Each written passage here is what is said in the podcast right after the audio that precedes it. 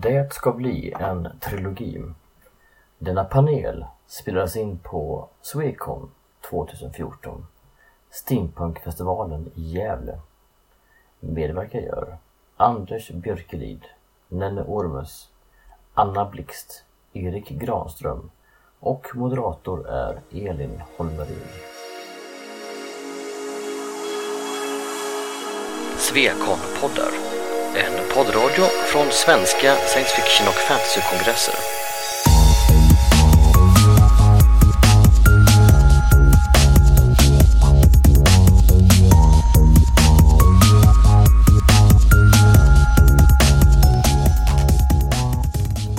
Ja, välkomna till den här paneldebatten om eh, det ska bli en trilogi om långa böcker inom fantasygenren. Och eh, jag heter Elin Holmerin. Jag är förläggare och författare och modererar den här panelen. Och sen får våra deltagare här presentera sig själva tänkte jag. Hej, jag heter Anders Björkelid. Jag har eh, precis avslutat en eh, längre fantasy-svit som heter Berättelsen om blodet. Sista delen, Frostskymning, kom för förra månaden.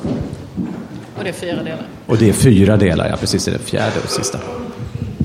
Jag heter Nene Ormes. Jag skriver urban fantasy i Malmömiljö. Eh, De två första i planerade fyra delar eh, finns ute. Eh, Trean är i skrivande stund skrivande. Ja, jag heter Anna Blixt. Jag skriver historien om Mörkrets väktare. Den har två delar hittills och det ska bli en trilogi. Jag heter Erik Granström och jag skriver en serie som heter Krönikan om den femte konfluxen. Det skulle bli en trilogi, fast just nu skriver jag på sista och fjärde delen som ska börja på. Ja, och då är ju frågan, varför är det så vanligt i fantasy och SF-genren med längre serier? Vad tror ni?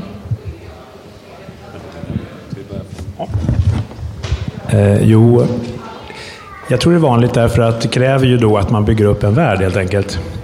Och har man, ehm, har man byggt den här världen så vill man gärna använda den till någonting. För annars skulle man ju i nästa bok då bygga upp en ny värld. Och det tar avsevärd tid tycker jag. Plus att man ju kan fördjupa samma värld då i efterföljande böcker. Och egentligen kanske först förstår den själv efter ett tag. Om man någonsin kan göra det. Det ska jag tro. Ja, jag håller med föregående talare och eh, jag tror också att det beror lite på att eh, alla historier har egentligen en början, en mitt och ett slut. Och med fantasy har det bildats den traditionen att man har möjlighet och intresse hos läskretsen för att faktiskt förverkliga det i form av en, en tredelad historia också.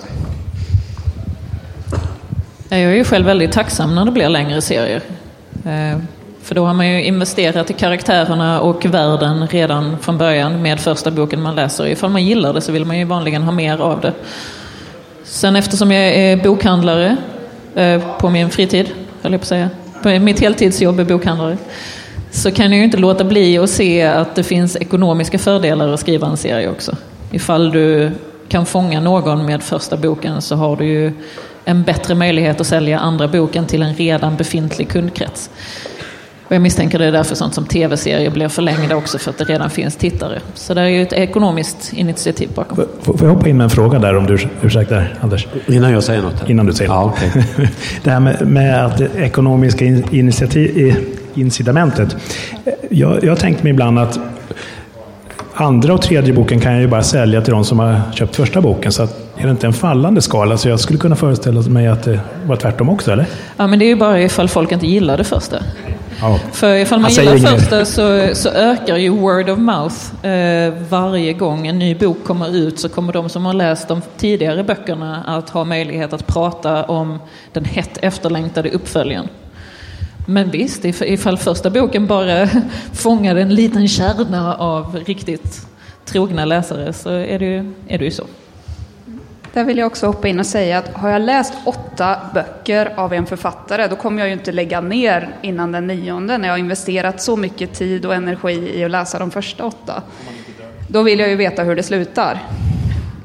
Eh, jag lägger personligen gärna ner efter att ha läst de två första och tycker att det inte är värt att fortsätta. Så att vi är nog olika på det sättet. Ehm, det finns många fantasyserier som jag har försökt läsa som jag har kommit en två eller tre böcker in och tänkt att nu, nu får det vara nog. Eh, men, men precis som Nene säger så, så, finns det ju det här ekonomiska incitamentet från förlagens sida också. Det är inte bara bokhandeln som tycker att det är bra med serier. För att har man marknadsfört den första boken så är det ju lätt att marknadsföra de två andra på samma sätt. Eller lätt att justera marknadsföringen om det första inte riktigt lyckades. Men sen måste vi komma ihåg att det är ju inte bara fantasygenren som har bokserier och långa böcker. Utan det här är något som är tradition från äventyrsböcker. Om vi går tillbaka till Dumas till exempel. Eh, så skrev man ju gärna långa böcker, gärna serier med flera personer. Det finns ju ett äventyrsdrag i fantasyn också. Som tror jag smittar av sig i längden. Eh, hur kommer det sig då att det inte har smittat av sig på andra genrer som deckare eller... I och för sig, det kanske finns serier... Ja, svara. Ja, fast, fast det är ju inte sant. Eh, deckare skriver ju jättegärna i serier. Menar, den där försupna polisen som man träffar i första vill man ju veta ifall han någonsin går igenom sin avgiftning och återförenas med sin fru. Och under tiden så dör folk som flugor runt honom. Och det har de ju slagit mynt av. Jag tänker att det kanske inte är samma... Alltså att händelsen inte utspelas över flera böcker utan det är liksom avgränsade. Man skulle kunna läsa dem nästan vilken ordning man vill med ja. deckare. Eller? Det är, inte någon stor Det är olika vilken sorts. Det finns jo. ju deckare som har just den där eh, trilogiuppbyggnaden. Stig Larssons millennieböcker ja. är väl tänkta att läsa i den ordningen de publicerades. Och det är ju en utökning av handling och fördjupning av karaktärerna som ska fortsätta där. Så där är det väl samma sak. Det, skillnaden är väl kanske att, att eh, eh, Eh, fantasyn oftast gör anspråk på att ha en övergripande berättelse som kanske ja, ett story arc eller något sånt som verkar tyngre än de enskilda små sakerna. Det är en sorts balansgång där, där fantasyn kanske eh, lutar åt det övergripande mer. Håller ni med? Eh, jag tror också att deckare och mysterier, det kan vara lite av en färskvara. Man öppnar boken och när man stänger den sen, då vill man veta vem som gjorde det. Man vill inte vänta ett år eller två år på att få reda på vem som var mördaren. Fast det använder ju fantasyserier också, att de har en grej som är avslutad i varje bok, men en större, en större story arc som löper över hela serien. Och på så sättet så har de gjort serialiserade böcker på samma sätt. Det, mordet är löst i varje liksom. Ja, ibland. Och ibland inte. Det kommer väl tillbaka lite grann till det som Erik sa i början också, att, att den här investeringen i en värld eh, är, är viktig på något sätt. Har man väl hittat på den här och skapat karaktärer och skapat miljöer så vill man gärna återvända till dem. Eh, vi, på något sätt så, så, rör vi oss i ett spektrum tycker jag där vi eh, har, har tolken åt ena hållet som liksom får någon sorts arketyp för den här fantasy-trilogin. Det är samma berättelse men den är publicistiskt uppbruten i tre böcker och har blivit en trilogi på det sättet. Och å andra sidan kanske C.S. Lewis som skrev sju stycken rätt olika böcker men hade den här investeringen i världen och så kan vi ha dem som en sorts svit i Narnia. Eh, och däremellan är vi kanske allihopa på något sätt. Eh, och då kommer vi ju till varför ni väljer att skriva böcker, det har, alltså i serier. Ni har varit inne lite på det, men är det något mer än själva världsbyggandet som lockar när det gäller serieskrivandet? Okej. Okay. eh, alltså jag, hade, jag kommer ju från rollspelssammanhang egentligen från början. Då hade jag en ganska lång historia redan som jag insåg från början att det här kommer att ta mer än en bok att skriva. Jag trodde det skulle bli en trilogi. men, men det blir ju då fyra böcker för att mellandelen blir mycket längre insåg jag på ett tidigt stadium. Så att eh, det var nog nästan nödvändigt. I, i, nu kan jag se, när jag börjar se slutet kan jag tycka vad skönt det ska bli att få skriva en bok sen om någonting och sen gå därifrån och göra något annat. Men, men det här som Anders sa om, om att investera i en fantasyvärld. Det är ju inte bara det någon slags ekonomiskt krasst tänkande, det tycker jag är viktigt att få fram, utan jag tycker man blir förälskad i sin värld. Man vill se själv, vad, vad finns bortom nästa krön? Och, och vad händer med de här stackars figurerna? Liksom om några månader. Så det är inte bara en krass sak menar utan det är, man, man, gillar ju sin värld tror jag. Det, det tror jag alla gör va? Eh, ja, jag, för mig, jag började skriva en bok och försökte få ihop den, men den ville bara inte komma ihop. Och jag insåg att det jag försökte skriva, det var slutet på historien. Och jag saknade början och mitten på historien. Så då fick jag gå tillbaka och börja skriva dem.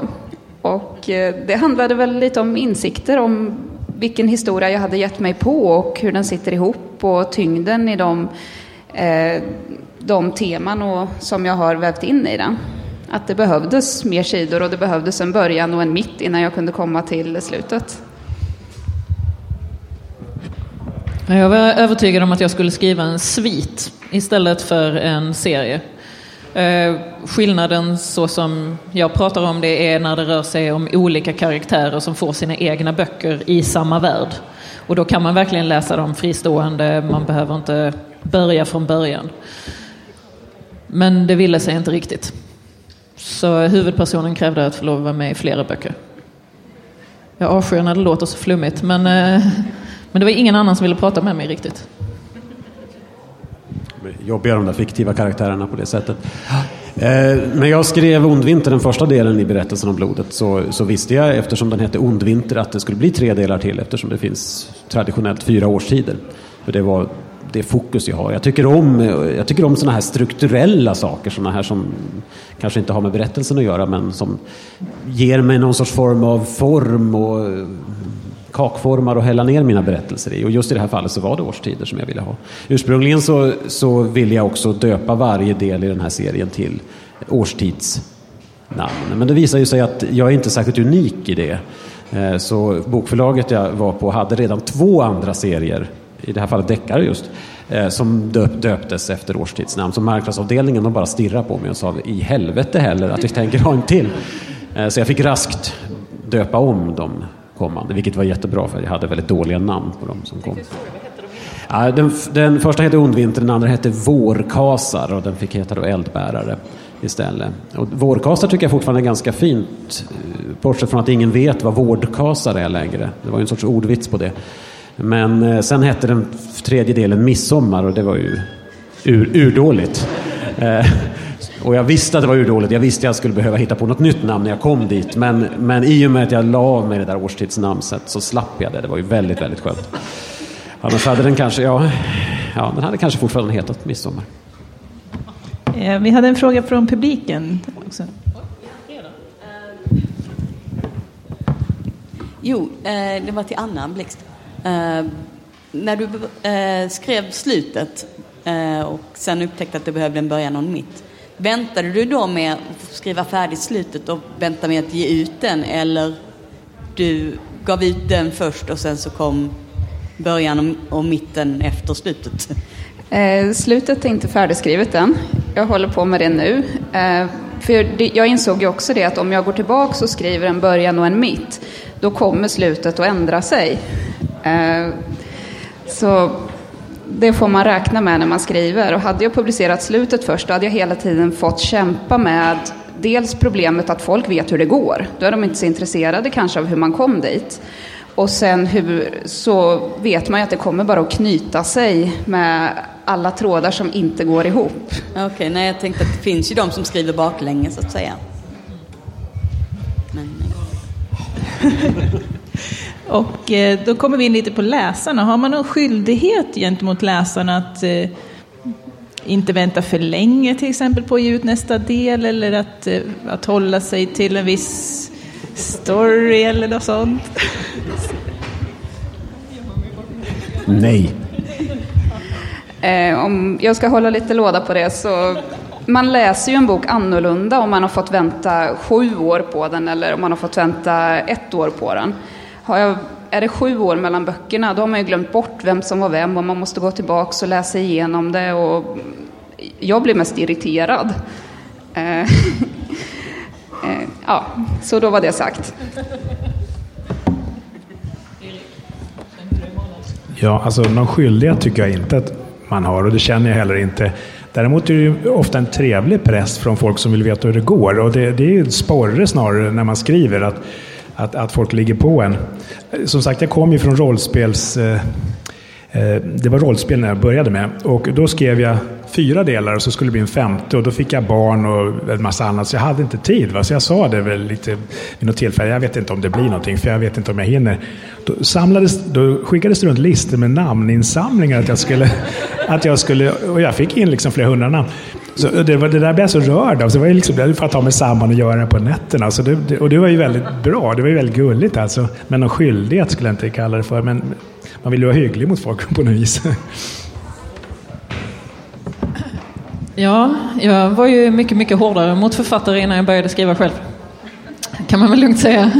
Som entusiastisk fantasy och science fiction-läsare har man ju snubblat över ett par serier under sin tid som liksom inte blir klara.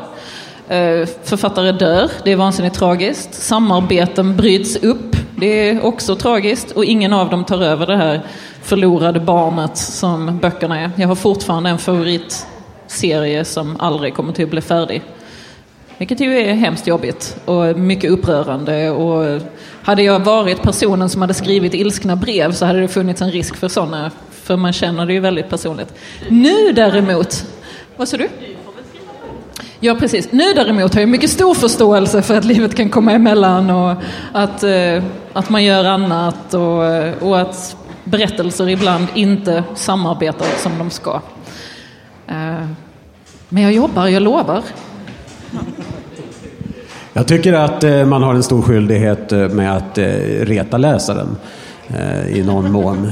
Det, det, är alldeles för ofta man får saker serverat för sig överhuvudtaget. Så att, och själv är jag väldigt förtjust i, i saker som inte är avslutade. Jag tycker fragment oftast kan vara det häftigaste som finns. En bit av, av någons roman som ligger någonstans och inte är klar. Men det kan ju också ha att göra med att jag har en tendens att inte läsa ut de böcker jag läser. Ja, Anders, Eh, Hej. En följdfråga till det här. Hej. Erik. Vi har sen i publiken. Så. Ja, det är Erik här. Eh, det här med att du tycker om saker som inte är eh, avslutade ibland. Då. Jag kan förstå det. Man hittar fragment, till exempel Kafka tror jag, en roman där på slutet ja, som inte är avslutad. Någonting. Men jag tycker samtidigt att det finns en sjuka, kanske en amerikansk sjuka, att man inte åtminstone inte tänker sig ett slut på en serie. Utan man skriver ja. på så länge den säljer och sen syr man ihop någonting som man jag som läsare blir väldigt missnöjd med. Mm. Ett par exempel. Det var den här Riverworld-serien som jag följde. Eh, där man då har en väldigt bra uppslag och så håller man på och sen på slutet så blir det snipp, snapp, snut lite grann över det hela. Och, och i tv-serier är det väldigt vanligt. Det börjar gå en nu tror jag till och med. Där författarna säger uttryckligen att vi vet inte hur det här hänger ihop. Och vi skiter i det och kommer inte att kräva oss på det. Han använder kraftuttryck, värre än mitt, för det. Jag tycker det är, oförskämt. det tycker jag är oförskämt. Ja, där, där vill jag gärna göra ett politiskt uttalande. Det är fel. Man måste ha ett slut. Även om man undanhåller det från läsarna så måste man ha ett slut. Rent av moraliskt? Ja, det är moraliskt. Det är, det är en etisk moralisk fråga.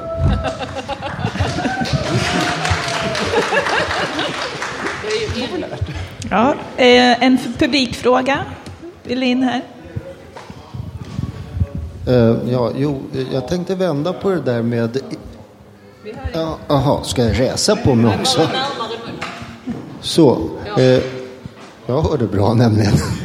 eh, jo, jag tänkte vända på det där med eh, serier och vad jag börjar uppfatta som kan vara en fara.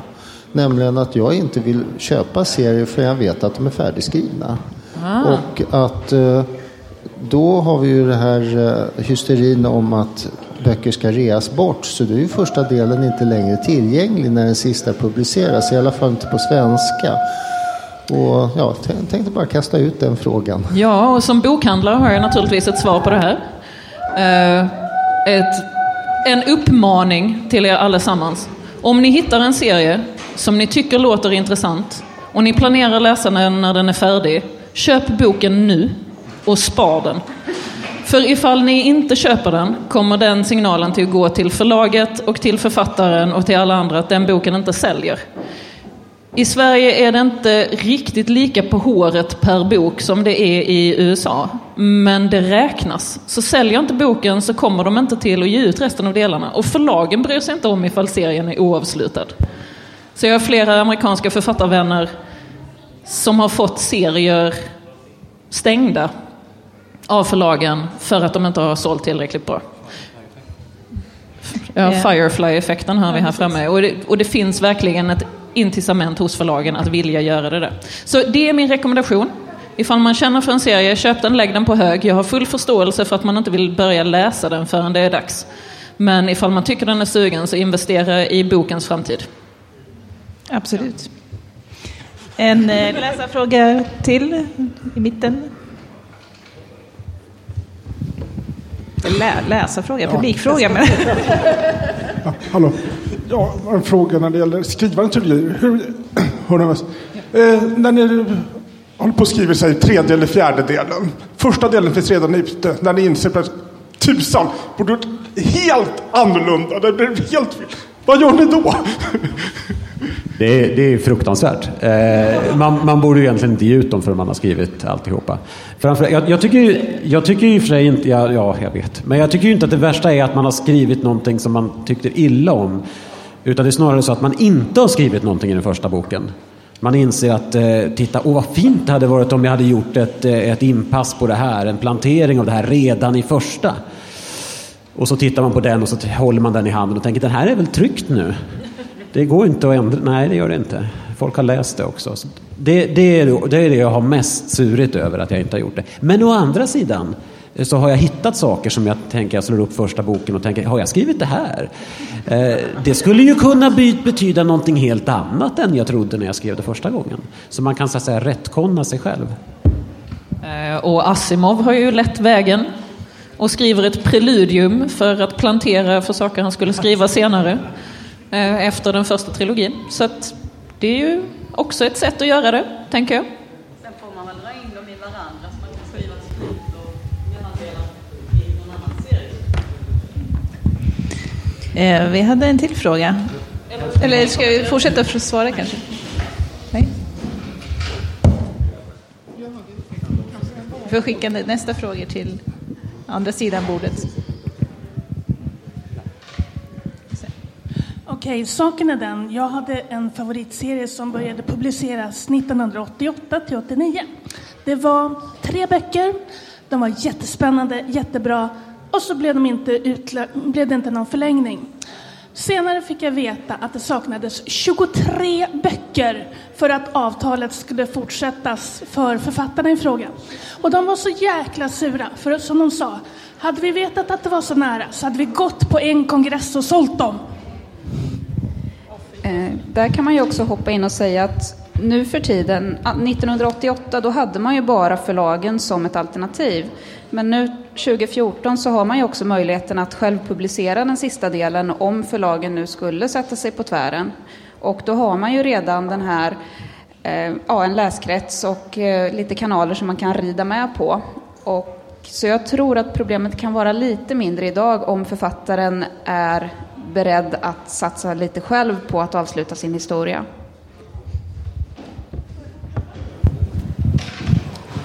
Eh, de här gjorde verkligen det. De byggde upp en eh, läsekrets på nätet och har varit publicerade på två förslag sedan dess och är nu uppe i typ bok nummer 14 eller 15. Så att jag är jättenöjd med dem. Det finns ju en aspekt på det där och det är att man som författare kan bli väldigt deprimerad om, man, om man, de lägger ner en serie kan jag föreställa mig. Det, det, finns ju exempel på författare som tagit livet av sig. Den här uh, Confederacy of Dunsea som ni har läst den, som han inte fick förlagd. De åkte runt massor med förlag. Han tog livet av sig. Hans mamma gav sig fan på skjuten. Och sen blev det en världssuccé. Va? Det, det är som han vill slå någon. Så tycker ni att redaktörer har något ansvar i, när vi kommer in nu på förlagen? Okay. Eh, att vara hårdare på att nu ska det avslutas det här eller när det blir just långdragna serier, jag tänker över trilogier? Ja, när det gäller långa serier så tycker jag väl mest och främst då när det gäller amerikanska serier att man märker en kvalitetstapp eh, ju fler böcker det blir. De blir längre och längre men ofta så blir de också mer och mer ordblajiga och historierna blir mindre och mindre tajta. Och ja, jag antar att man bara vill ha ut dem så fort som möjligt när man nu väl har väntat i 5, 7, 8, 10 år på den där hitboken som, eh, som nu kommer ut. Så att man gör inte processen ordentligt. Och där tycker jag att redaktörerna borde ta ett större ansvar och faktiskt gå tillbaka till författaren och eh, se till att den nya produkten är lika hög kvalitet som de första delarna. Jag vet inte om du tänker på George R. R. Martin här, men det, alltså jag föreställer mig att i sådana fall så har inte redaktörerna någonting att säga till om. De vågar inte stötas med de här författarna som har, säljer väldigt bra. Va?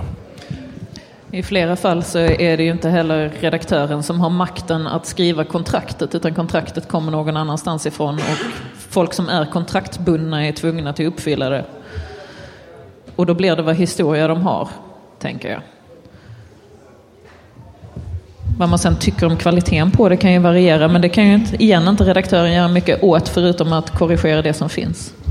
Men som författare så skulle jag, även jag vilja bolla de senare delarna. Men nu, nu är ju inte jag lika stor som de här människorna så att jag vet inte vad som händer med egot när man, eh, när man hamnar i det läget. Men eh, av respekt mot mitt verk och med läsarna så skulle jag vilja stöta och blöta så att man har kommit igenom alla de här små redaktionella problemen och att historien inte hänger ihop. Vi har också missat att ta hänsyn till agenterna som är de som skickar saker vidare i USA.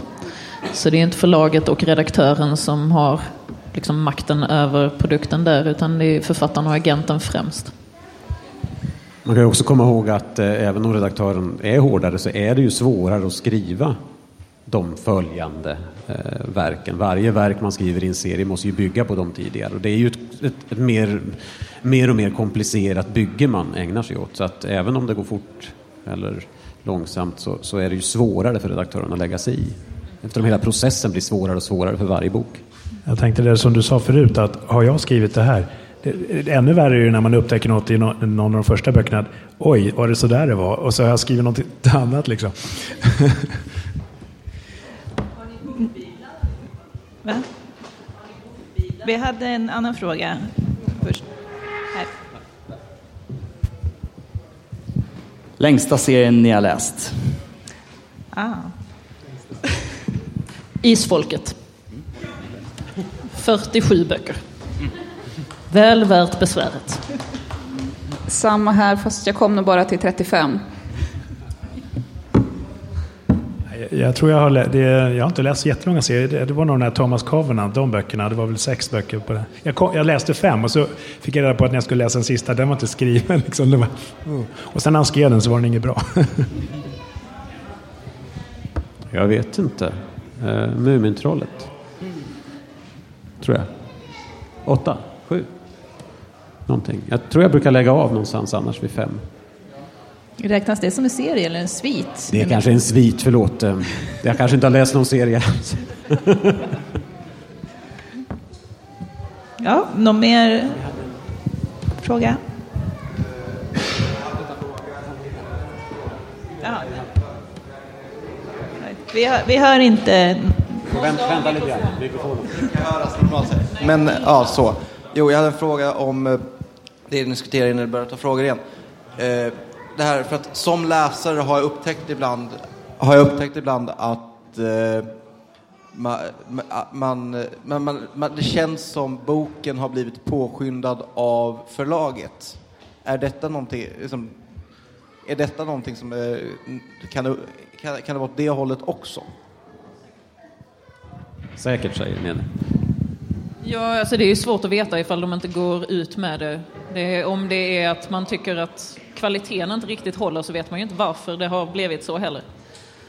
Men man har ju kunnat läsa på författarbloggar om hur de är stressade av sina deadlines. Sen kan man ju läsa många författarbloggar som skiter i sina deadlines också, så det är väl lite grann vad man har för typ av avtal och vad det ger för utrymme, tänker jag. Det är ju väldigt sällsynt i svenska förhållanden överhuvudtaget. Det är ju några få som säljer så mycket så att det är intressant för förlagen att vara på dem. Annars har förlagen i Sverige så mycket att göra tror jag så att de har inte tid att jaga sina författare. De suckar lite grann och frågar försynt hur det går. Och så. Men annars, eh, annars är det inte mycket hets. Hur har det varit för er? Ingen hets från ert förlag? Nej, nej, jag har aldrig haft det heller. Men de, de kan bli lite pikar ibland. Sådär. Men jag skriver avtal för varje bok dessutom. Så att, ja. Ja, nej, min förläggare sitter längst ut till höger här. Och, eh, jag fick barn i vintras så det hoppas jag att hon förstår att jag blivit lite sen med nästa. Jag har stort tålamod. Ja. Nästa fråga. Jo, jag undrar om ni har så kallade bokbiblar ni för, där ni för in fakta allt eftersom ni skriver böckerna på ja, namn och vem som är vem och vem som har gjort vad och vem som hör till vilken släkt och så vidare så att man har mer en kontinuitet på det sättet och har Eh. lättare att skriva sen. Jag brukar ha den ambitionen, men sen tänker jag att det där kommer jag ju ihåg. Eh, Jag har en, men jag för den för hand i en anteckningsbok.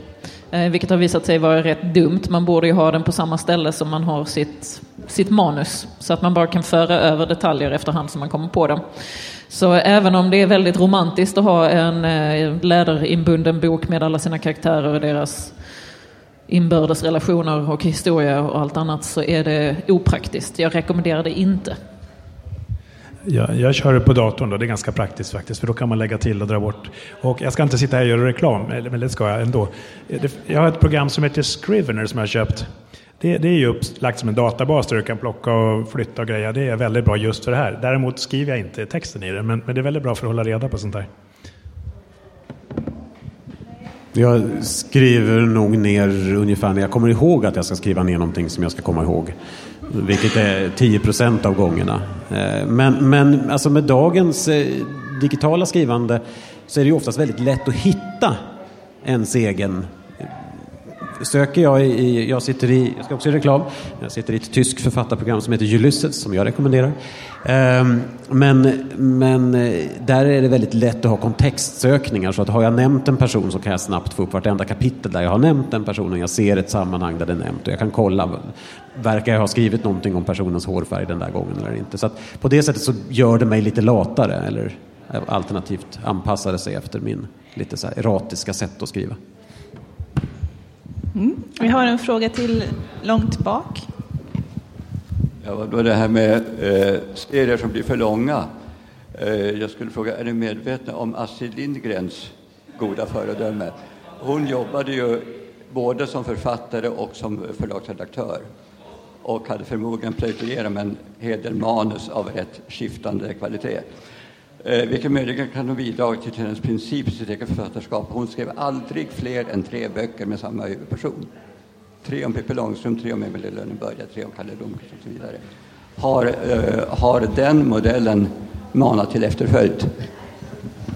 Ja, jag vet ju inte ifall det är Astrid Lindgrens modell och om folk vet om det, men det är ju det är rätt vanligt i urban fantasy till exempel, eller i andra underavdelningar av fantasy, att man skriver ett par böcker om samma person, men i den världen rör sig mellan karaktärer. Och skriver flera böcker om de andra som man redan har träffat som bifigurer i de tidigare böckerna. Det är inte riktigt så hon har gjort det, men man kan ju nästan föreställa sig att barnen i Bullerbyn skulle träffa Emil i Lönneberga vid något tillfälle.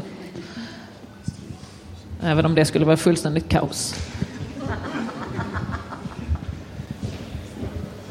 Är det någon mer som vill säga någonting om Astrid Lindgrens förläggarverksamhet?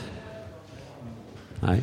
Blir ni sugna då på att, eller du kanske hade någonting? Oj, nej, jag, jag var, det var färdigt. Blir ni sugna på att skriva andra fristående böcker om karaktärer i era världar? Nej. Ja, jag trodde ju det var så det skulle gå. Eh, och jag har ett par av mina bifigurer som, som riktigt pockar på uppmärksamhet. Men, eh, men de har blivit omkörda nu, så de får vänta. Jag blir mer sugen på att skriva andra böcker än det jag håller på med nästan jämt. Ja, jag blev så pass sugen så att jag använder olika huvudpersoner i de tre delarna som det blir. Så att jag tyckte att eh, den första personen fick sin historia och sin tid i rampljuset och sen var det dags för någon annan att ta över historien. Ja, jag, jag funderar på att skriva noveller om personer som man har mött som liksom bara försvunnit sen. För att det, det finns ganska mycket själv där man är nyfiken på vart tog den vägen sen då. Det, jag får se, det är också en lockelse att göra något helt annat som sagt. Eh, Jag intervjuade Chris Wooding, en av hedersgästerna här, eh, om hans serie igår. Och en av frågorna som en av mina kollegor verkligen ville veta det var ifall det skulle bli mer i samma värld. Så, så jag har pestat honom med, med det lite grann och försökt trycka på. Men för hans del så är det att han är färdig med världen och vill göra något annat. Så jag tror det hänger rätt mycket på det också, ifall man är så pass bekväm i sin värld att man vill vara kvar, eller ifall man känner att man vill ge sig på något nytt. Och inte alltid har med personerna att göra, utan ifall det finns mer utrymme att sprida sig. Eh, Så har ni skrivit några fristående böcker och vad är skillnaden i så fall mellan att skriva en serie och en fristående bok? Nej, jag har skrivit barnböcker innan jag skrev fantasy. Det är det fristående. Det var en serie med två. Skulle blivit tre.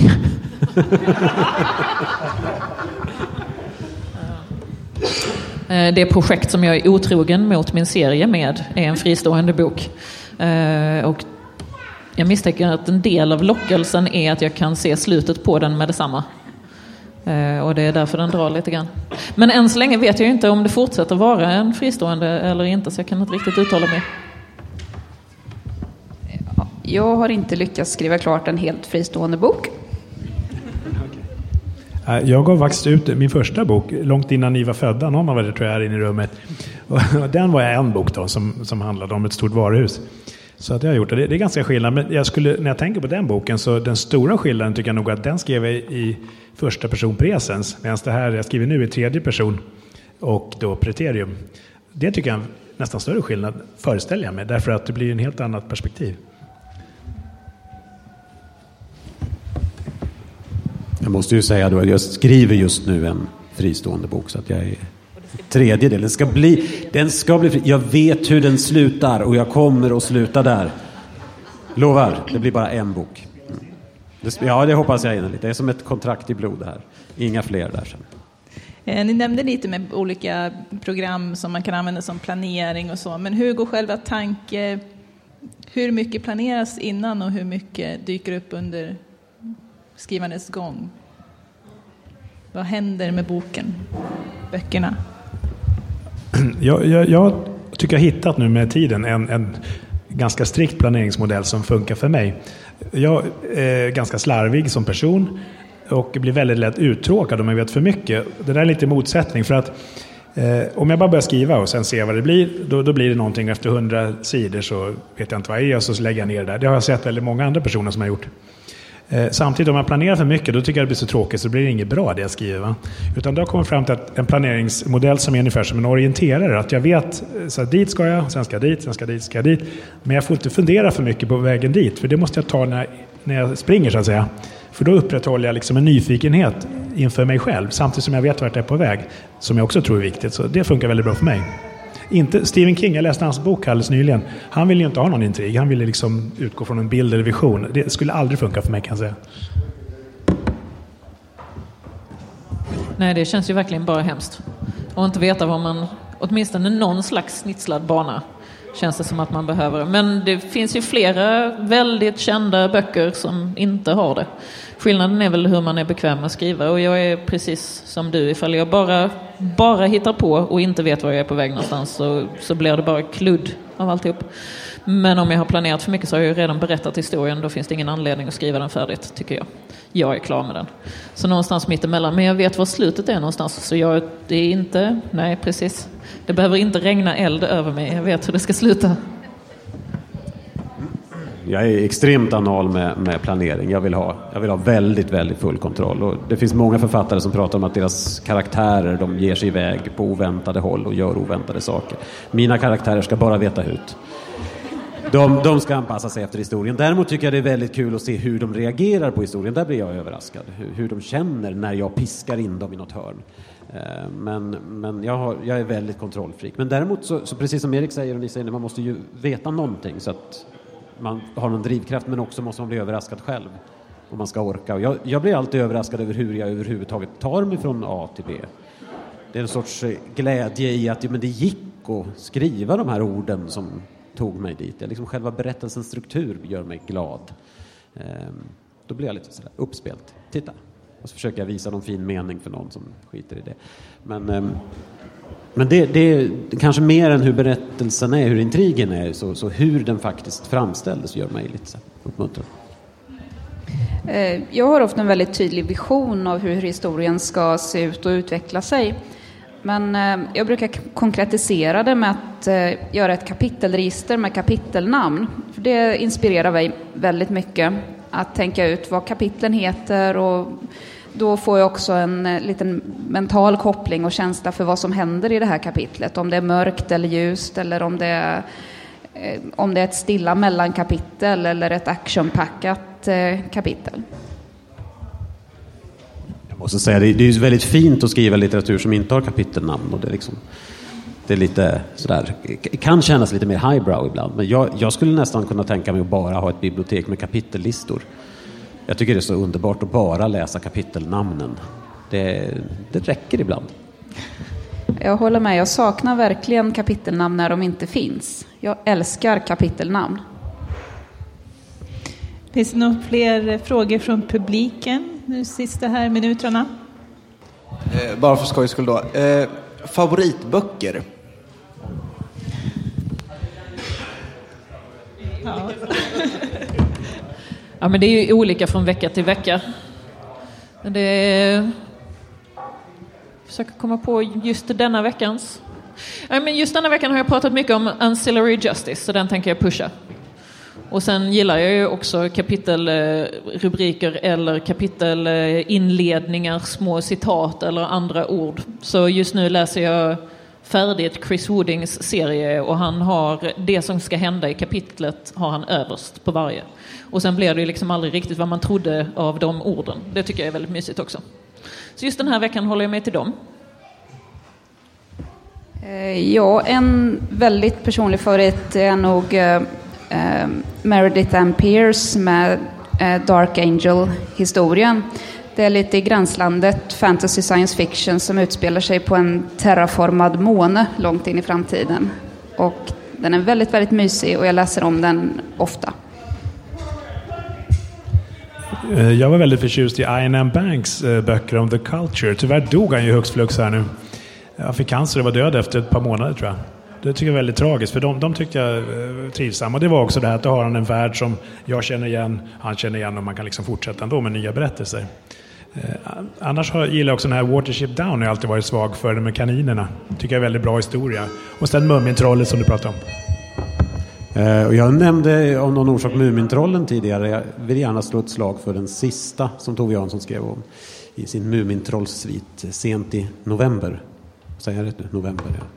Som jag tycker är, det, det är den vackraste komposition av svenska ord i en bestämd ordning som har gjorts någonsin. Ja, då ska vi tacka panelen för den här. Och tack till publiken. Tack till publiken.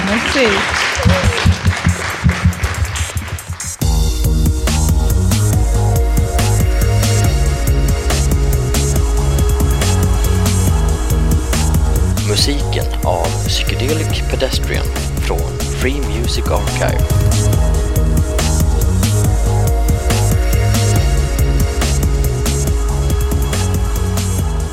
Besök gärna vår hemsida på svekonpoddar.se